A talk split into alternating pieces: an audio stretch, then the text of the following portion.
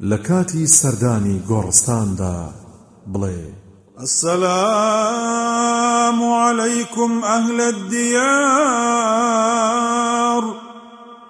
من المؤمنين والمسلمين وإنا إن شاء الله بكم لاحقون. ويرحم الله المستقدمين منا والمستأخرين. أسأل الله لنا ولكم العافية.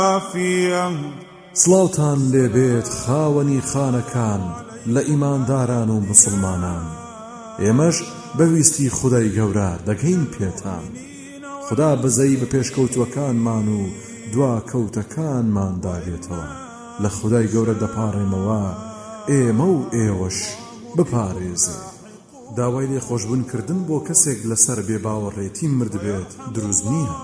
و پێغەمبەری خدا صلی الله عليه وسلم فەرمانی کردووە کە هەر کاتێک بەلای گۆڕی بێ بڕوایەکدا ڕەت بووین مژدەی دۆزەخی پێ بدەین. بەو مەرجەی دڵنیابین بەوەی بەبێ بڕوایی مردووە.